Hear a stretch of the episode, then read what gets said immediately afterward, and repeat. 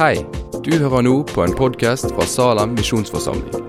En menighet i sentrum av Bergen. Vil du vite mer om oss eller komme i kontakt med oss, gå inn på salem.no. Men responsia Jeg har fått meg ny T-skjorte for å prøve å jobbe litt mer med responsen i Salem. Kan vi øve en gang først? Skal jeg høre? All right. Der har vi det. Den T-skjorta funka, vet du. Det er kanonbra. Vi skal fortsette. Paul Reidar, eller Pauli som han blir kalt, og av styreleder blir han kalt Pauli, for han er ikke helt med. Eh, han begynte sist gang å tale om de ti bud, eh, og jeg taler dobbelt så bra som Håvard sa, så jeg skal ikke bare ta tre, men jeg skal ta sju. Eh, så det har jeg gleda meg til. og det er litt sånn skummelt. Det er en litt annerledes tale nå. det er liksom sju punkt. for det blir liksom, Du føler du springer gjennom ting. Så dette her blir litt sånn tanker som dere skal ta med dere og grunne på. Kanskje gir ikke jeg alle svar, men kanskje stiller jeg noen spørsmål som dere må tenke på. Mange har sagt til meg eh, som jeg har møtt, at de ønsker å leve altså de ønsker virkelig å leve i Guds vilje med sitt liv. Og det er så, det er så bra, dere som ønsker det. Fortsett. Bare trakt etter det. Men hvordan ser det ut å leve i Guds vilje? Vi bruker ofte å si at Gud har en plan for livet ditt. Og jeg er, jeg er litt usikker på om det er rett å si. Har Gud en plan for livet ditt? Eh, hva hvis du da tråkker utfor den planen? Hvordan gjør vi det da rett? Hvis, jeg, eh, hvis, det ikke var Guds plan at jeg skulle gifte meg med Jeanette, så har jeg da ødelagt plan for meg og for den som eventuelt skal gifte seg med Jeanette. Og så blir det et problem som bare forflytter seg, og til slutt er det mange som ikke lever i Guds plan.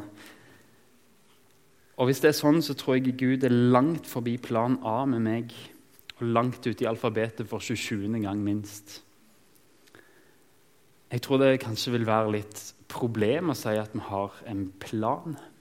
Sjelesørgerisk vil det være vanskelig å si at det går nok bra om du har gjort en feil, og så er planen ødelagt. Men jeg tror vi skal få si at Gud har en vilje for ditt liv. Gud vil at alle mennesker skal komme til sannhetserkjennelse og bli frelst. Gud vil det for deg. Og han vil at du skal leve i samfunn med Jesus. Og derfra så kan du leve i hans vilje i veldig mange forskjellige veivalg. For Gud så tror ikke jeg det er så viktig hva jobb du har, men hvordan du gjør den jobben. Om du er heil ved. Men hvis vi skal leve i Guds vilje, så må vi lære å kjenne Gud bedre. Og kjenne Hans vilje. Og Det fins mange måter å gjøre det på. Vi kan lese Bibelen, vi kan be, vi kan snakke med en veileder som er litt mer erfaren enn oss. Men så har Gud gitt oss ei sjekkliste som er vanvittig praktisk. Med ti punkt og hvis du ønsker å leve i Guds vilje med ditt liv, så bruk de ti bud som sjekklister. For de er så praktiske. De er så konkrete. I alle valg du tar, så kan du nesten dobbeltsjekke alle samtlige bud om du går imot Guds vilje. Hvis du bryter ett av de budene når du tar et valg, så kan du være sikker på at Gud sier feil vei. Men hvis du tar et valg og sjekker så godt du kjenner Bibelen, så godt du kjenner deg sjøl og Gud, stemmer dette med de ti bud? Og hvis, det, hvis, du får det til å gå overens, så kan du tenke ok, jeg tror jeg lever i Guds vilje. Det har for meg vært veldig nyttig å følge den og tenke ok, greit, kanskje ikke alle valg der du tråkker ut av planen, men det å følge Guds vilje, det er viktig for oss. Hvordan lever vi hellige liv? Jeg tror vi kan bryte det ned til å gjøre hellige valg. Hver gang du gjør et valg, greier du å gjøre det hellige valget. Ok, Vi skal se litt på de sju budene som vi ikke gikk gjennom sist. Og så prøve å legge bitte, bitte litt mer kjøtt på beina til hver av de. Og Så blir det litt springing mellom budene, og det håper jeg dere er klar for. Um, vi skal begynne med det fjerde. Du skal hedre din far og din mor, slik Herren din Gud har befalt deg, så du kan leve lenge, og det kan gå deg vel i det landet Herren din Gud gir deg. Disse står skrevet i 2. Mosebok i kapittel 20 for de som har lyst til å følge med i Bibelen.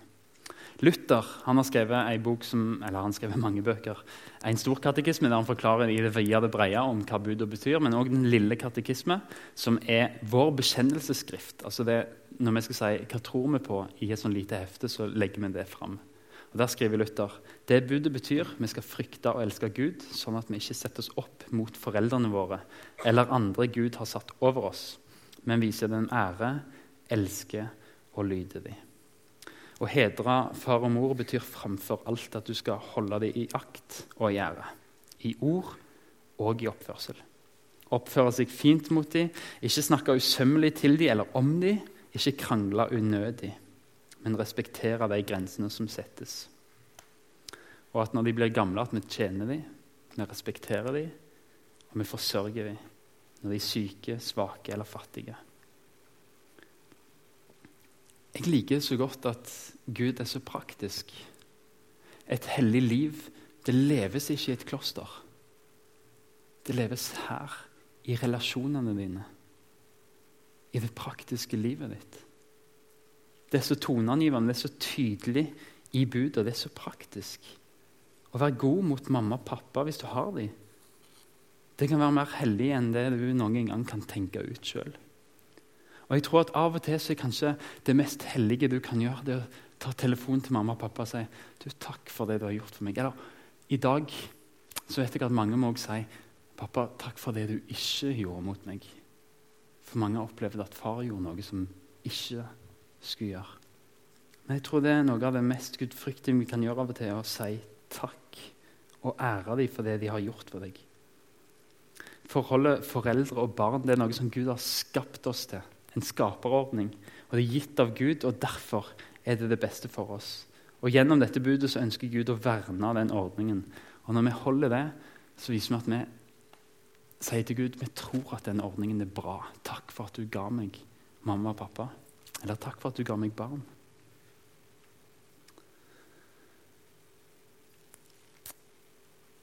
Og så må vi også være ærlige. Som jeg sa, Det er ikke alle foreldre som har vært det som Gud mente at de skulle være. Til det vil jeg si at Gud er en far uten feil. Gud elsker fullkomment, ubetinga. Om ikke faren din eller mora di har vært en god forelder, så tar det ikke noe bort fra Gud allikevel. Og han er en god far. Og Gud er alltid trofast og alltid kjærlig. Så kan vi også spørre ja, men skal vi hedre de mor og far som ikke er gode. Hva skal vi gjøre med det? Her er det lov å søke hjelp og snakke med noen. Vi er mange veiledere og skjellsørgere i salen, men det er fullt lovlig å ta kontakt. Men Romerne 12 sier noe òg om vanskelige relasjoner. Gjengjeld ikke det onde med det onde. Ha tanke for det som er godt for alle mennesker. Og så, hør dette, dette er frihet for noen. Hold fred med alle om det er mulig, så langt det står til deg. Hvis det er mulig, så hold fred. Det er ikke alle som greier det. Men hvis det er mulig, så trakk de til å holde fred med dem. Ta ikke hevn, mine kjære, men overlat vreden til Gud. Vet du hva, Det er det som er å tilgi. Til å si vet du hva, 'Jeg skal ikke bruke dette mot deg. Jeg gir det over til Gud.' Han får gjøre med deg det som er riktig det er å tilgi. At Gud tar seg av rettferdigheten. For det står skrevet Hevnen hører meg til.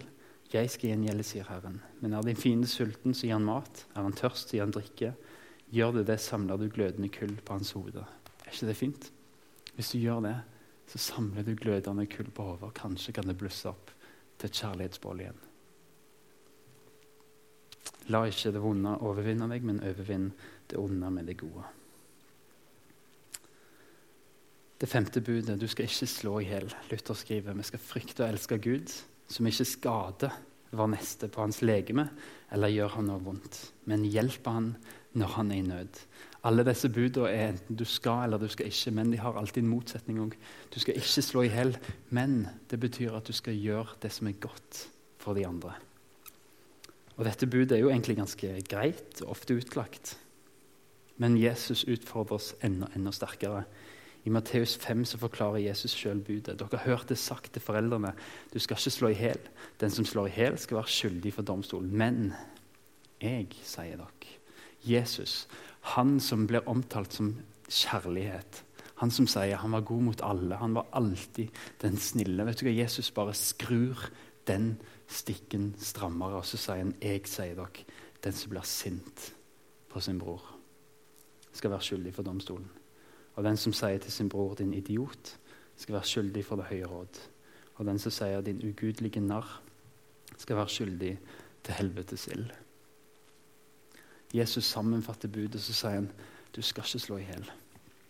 Verken med hånd, med våpen, med hjertet ditt, med munnen din, med tegn du gjør, med miner eller hjelp eller råd.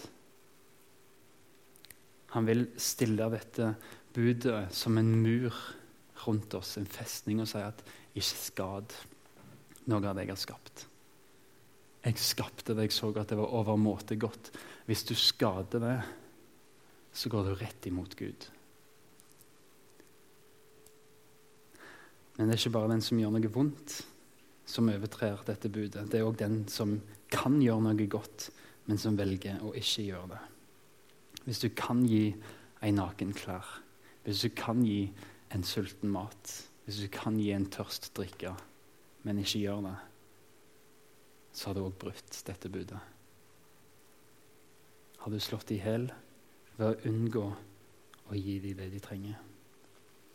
Og så er det sånn at I vår tid så skjer de fleste drap ved ord. Ikke at folk dør som fysisk, men det skjer noe med deres sjølbilde som dør. I vår tid så er det sosiale medier blitt arena for mobbing. Der kan du drive et spill i det skjulte, et feigt spill. Og så rammer du andre sin selvfølelse på en spekulativ måte der du unngår kanskje å få oppmerksomheten for det. Men Gud ser i det skjulte, og han reagerer. Og så sier han, den som spotter den fattige, han håner skaperen. Sørg for at du ikke håner Gud med å trykke ned noen.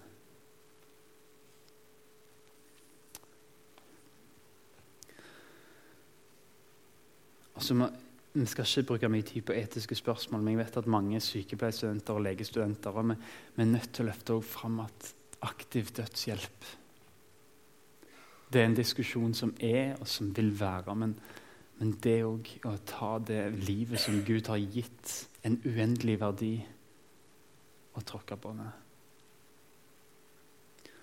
Det Gud har sagt er verdifullt og godt, det skal ikke vi ødelegge. Og så må vi òg si at det med abort er å ta et liv som Gud har gitt. Og la meg få si en viktig ting. Hvis du er kommet i en situasjon der du vurderer det, abort Om det er av skams skyld, eller om det er fordi du ikke vil minnes den måten det barnet ble unnfanga på, så, eller om det er en, en annen grunn som jeg ikke kjenner Men vi som menighet vil være her for deg. La oss få hjelpe. Hvis det er det at uh, du blir alenemor, så, så er ikke det sant. Fordi vi har så mange fine mødre i Salem på søndag som er eldre, som, som vil være der.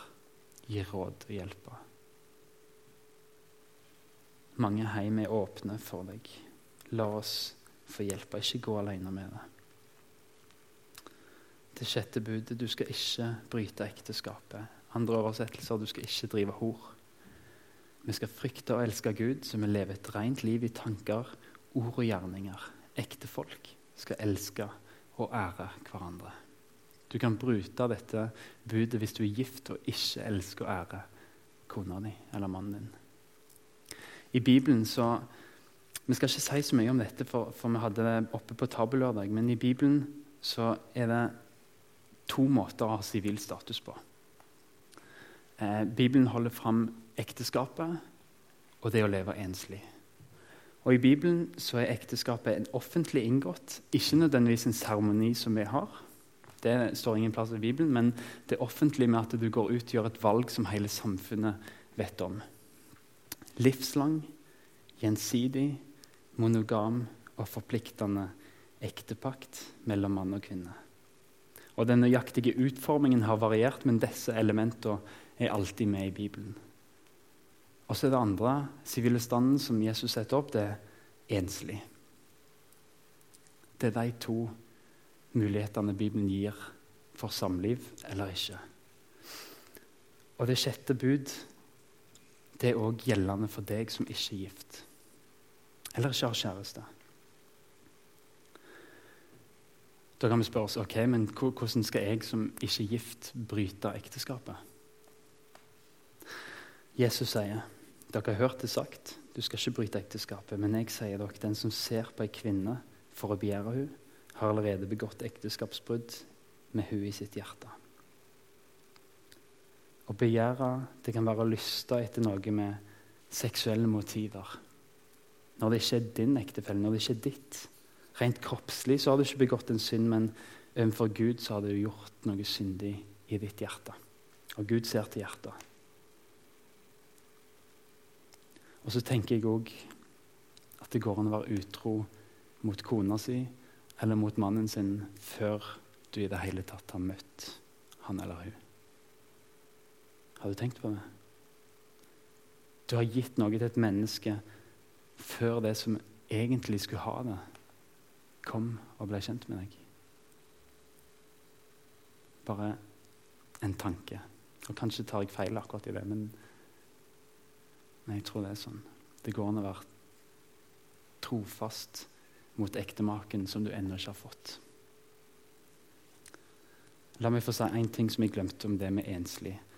Vi er veldig flinke på å snakke om at ekteskap er riktig og det er bra. Vi heier på det. Så vi er veldig dårlige på å si at enslig stand det, sier Bibelen, er knallbra, og vi trenger det. Menigheten er totalt avhengig av det. Og det er en gave fra Gud.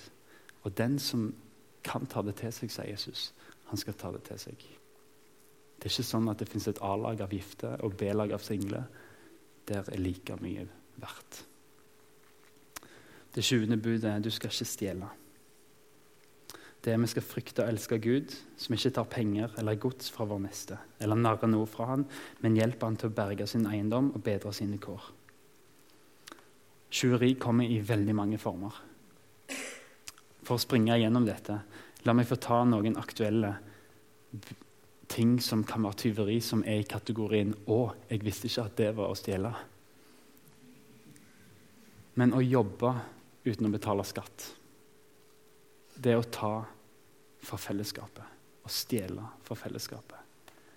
Det å streame en TV-serie, en fotballkamp eller en film fra en nettside som ikke har rettigheter, det å stjele fra de som har rettighetene, de som har kjøpt og eier rettighetene til det.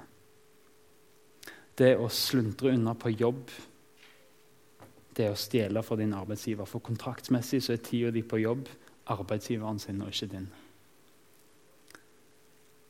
Alt hører til Gud i bunn og i grunn. Og du kan forvalte det på en uærlig måte. Du kan stjele fra Gud. Og så har Gud gitt menigheten en nådegave. Og du forvalter den. Men hvis ikke du deler den med menigheten som Gud har meint skal få glede av den, så tar du fra det kristne fellesskapet. Bud nummer åtte. Du skal ikke vitne falskt mot de neste. Det er Vi skal frykte og elske Gud, så vi ikke lyver på vår neste. Ikke sviker ham eller taler rundt om ham, men unnskylder ham og taler vel om ham og tar alltid beste mening. Har du noen gang opplevd at noen har spredt et rykte om deg? Et falskt rykte, en løgn?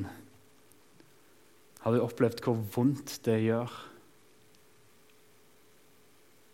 Og hvor vanskelig det kan være å rette opp den skaden? Det tar et sekund å ta æren og ryktet fra en person. Og så kan det ta uendelig lang tid å bygge opp den tilliten igjen. Gud ønsker å verne om ryktet vårt. Og da er det vårt ansvar å ikke ødelegge det for hverandre med falske rykter og løgner. I dette budet så forbyr Gud oss å synde med tunga, med leppene Sånn at vi på en eller annen måte krenker vår neste. Og Det kan være med falsk bibellære. Og Det kan være med løgn og ondsinne omtale. Og så er det baktaling, da, som er så forbaska utbredt i kristne kretser. Og det er jo normalt, om enn det er fordervelig, at alle sammen vil høre noe vondt om andre. Men sjøl så tåler vi ikke at noen baktaler oss. Men vi vil derimot at alle skal snakke godt om oss, og så går vi allikevel og snakker drit om andre. Og løgn.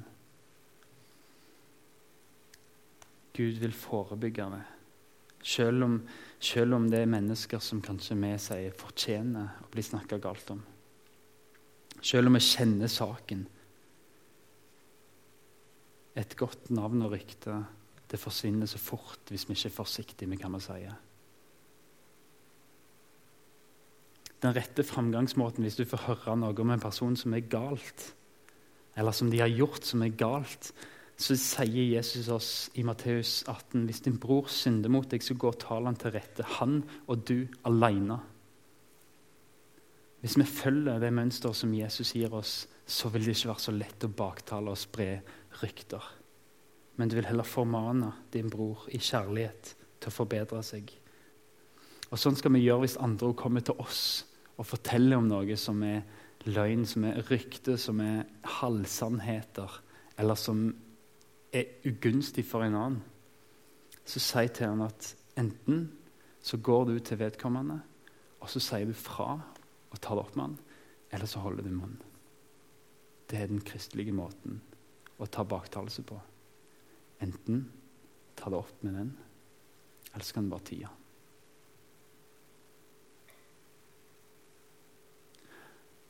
Sånn bør det være her òg.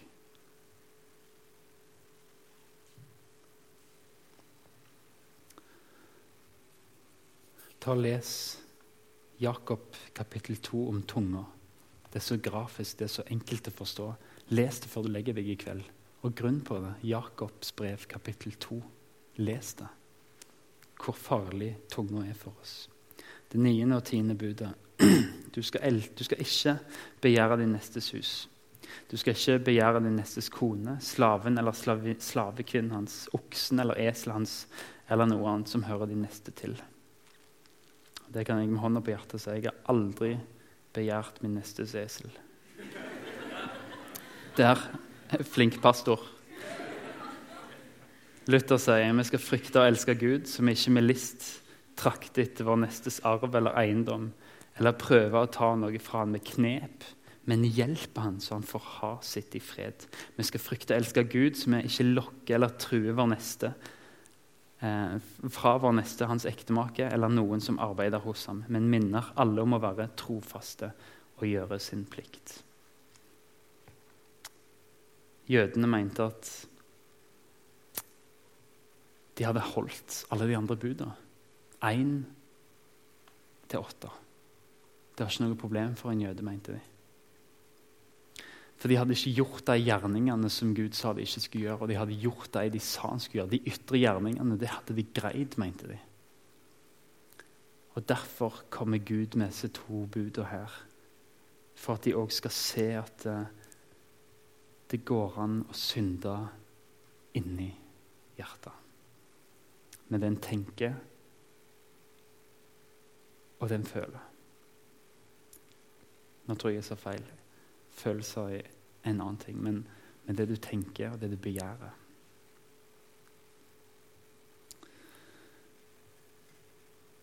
Det er forbudt. Det er syndig. Og dette budet det vil akkurat som alle de andre, det vil bare føre oss fram til Gud. Og så vil det vise oss at vi mangler så utrolig mye. Vi greier ikke å være heil ved, sånn som disse to budene krever. Gud ser tvers gjennom oss. Jesus sier, 'Skjønner dere ikke at alt det som kommer inn i munnen, går ned i magen og forsvinner ut etter skar, Men det som går ut av munnen, kommer fra hjertet. Og det gjør mennesket urent, for fra hjertet kommer onde tanker. Mord. Det begynner, det begynner med en tanke ekteskapsbrudd, hor, tyveri, falske vitensbyrd, spott. Det er dette som gjør mennesket ureint. Det Jesus sier, det, Det er ikke det vi gjør nødvendigvis. Det er synd, det òg, men vi gjør synd fordi vi er syndere. Det fins noe i oss som bare bærer den frukta.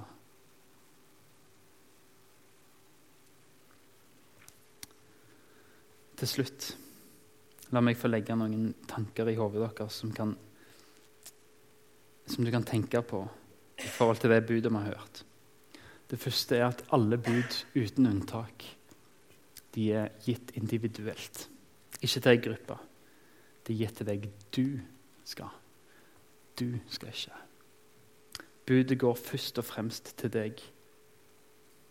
Ikke til, Vi tenker Norge som et sekulært land, og derfor har det blitt sånn og sånn. og sånn og sånn, Men budene er ikke en invitasjon til deg om å være et politi. Budene går rett på deg og speiler deg. De er gitt deg for å veilede deg og for å vise at du ikke strekker til. At budene er individuelle, det betyr at du sjøl står ansvarlig for Gud. Ingen andre. Du har ingen å skylde på når du bryter et bud. Det fins ingen å gjemme seg bak.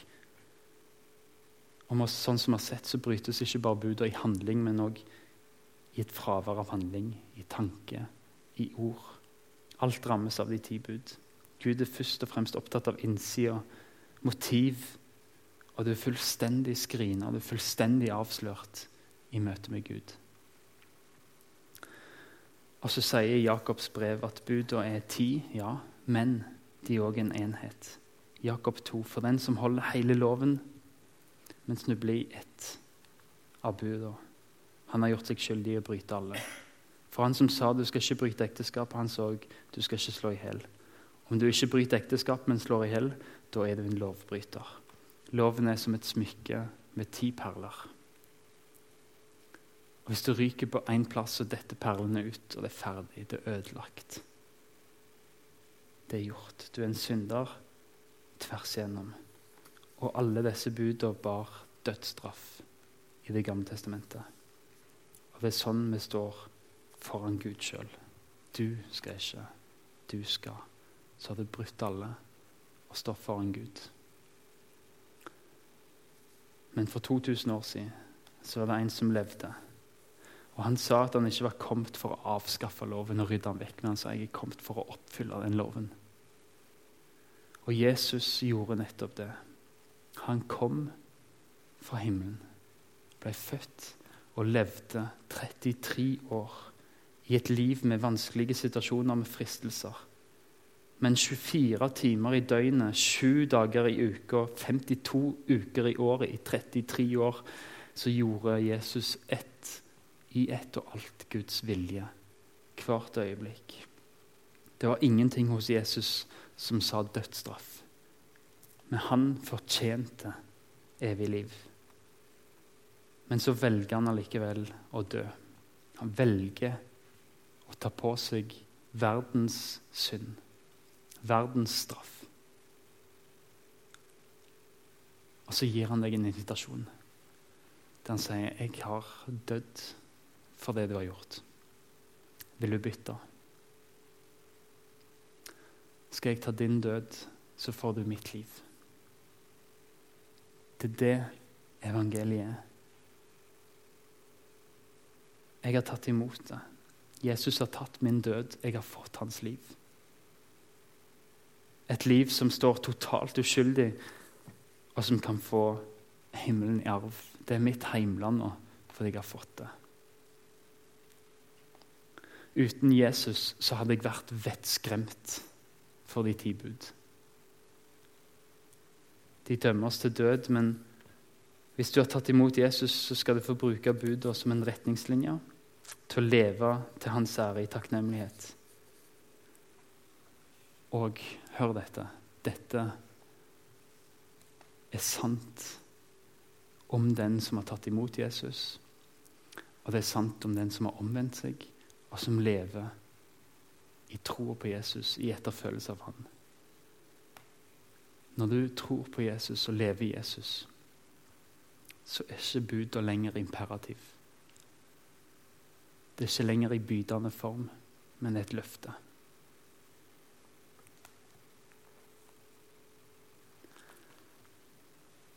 Jesus sier, eller loven sier, du skal ikke ha andre guder enn meg.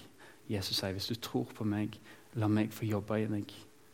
Når du møter Gud, så ser han ikke at du har hatt andre guder enn han. Jesus sier du skal holde, eller Loven sier du skal holde Guds navn hellig. Jesus sier hvis du tror på meg og er i meg, når vi møter Gud, så skal jeg love deg at han ser mitt liv. Du skal ikke Det er et løfte. Du skal ikke ha misbrukt Guds navn. Samme med helligdagen, de gangene vi har brutt det. Og vi hedrer mor og far. Og vi lyver å slå i hjel, om å bryte ekteskapet, om å stjele.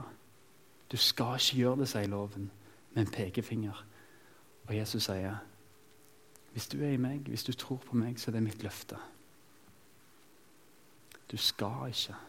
Jeg lover deg at Gud ser på det, at du ikke har gjort det. Det er mitt løfte. Alle de tingene som du begjærer. Loven sier du skal ikke begjære det. Og Jesus sier når du tror på meg, så skal jeg love deg at du ikke skal gjøre det. At når Gud ser deg, så ser han meg. Du skal ikke gjøre det, for Gud ser et rent liv. Det er livet han vil gi deg. Spørsmålet er om du vil ta imot. Kom, la oss gjøre opp vår sak, sier Herren. Om syndene deres er som purpur, skal det bli hvite som snø. For om de er røde som skarlagen, skal de bli hvite som ull. Jeg, ja, jeg er den som utsletter dine lovbrudd for min skyld, og dine synder minnes jeg ikke.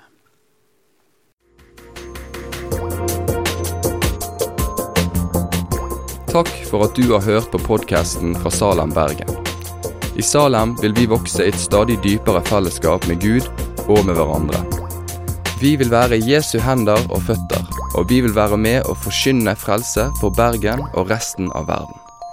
Besøk oss gjerne på salam.no om du vil vite mer.